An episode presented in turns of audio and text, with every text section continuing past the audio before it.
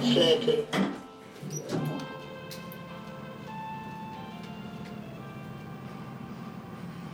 Weet je wat dat eerste is dat anderstaligen leren als ze in België komen? Dat Vlamingen niet graag aan smalltalk doen in de lift. dus, eh,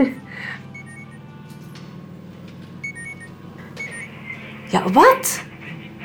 Een een wat? En hoe groot... Hallo? Hallo? Ja, sorry. ze, Ja. Ontvangst in de lift is ook niet al te goed. Oh, mijn excuses, echt waar. eh. Ja, ik zit gewoon met een klein dingetje in het andere labo. Het is... eh, maar goed, eh, ja. Het is.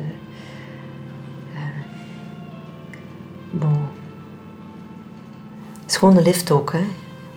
Dat gebouw is ook... Dat is prachtig, toch? Is...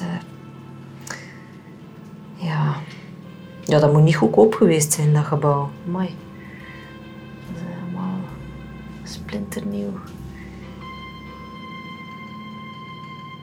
Ik ben eh, Matthias de Buff. Ik ben financieel projectbeheerder voor onderzoeksprojecten die gefinancierd worden van Europa aan de Universiteit van Gent.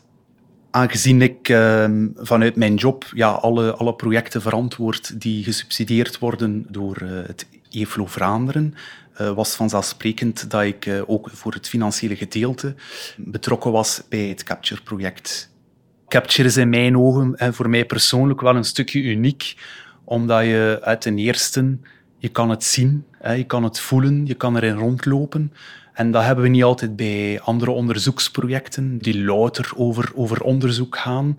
Het is ook wel altijd heel leuk om te zien wat er met de Europese funding gebeurt. Het gebouw heeft in totaal een, een grote 12 miljoen euro gekost en eh, is gesponsord door eh EFRO Vlaanderen, door de Vlaamse overheid, door de provincie Oost-Vlaanderen, door het ehm, IIC Gent en ook door de Universiteit van Gent.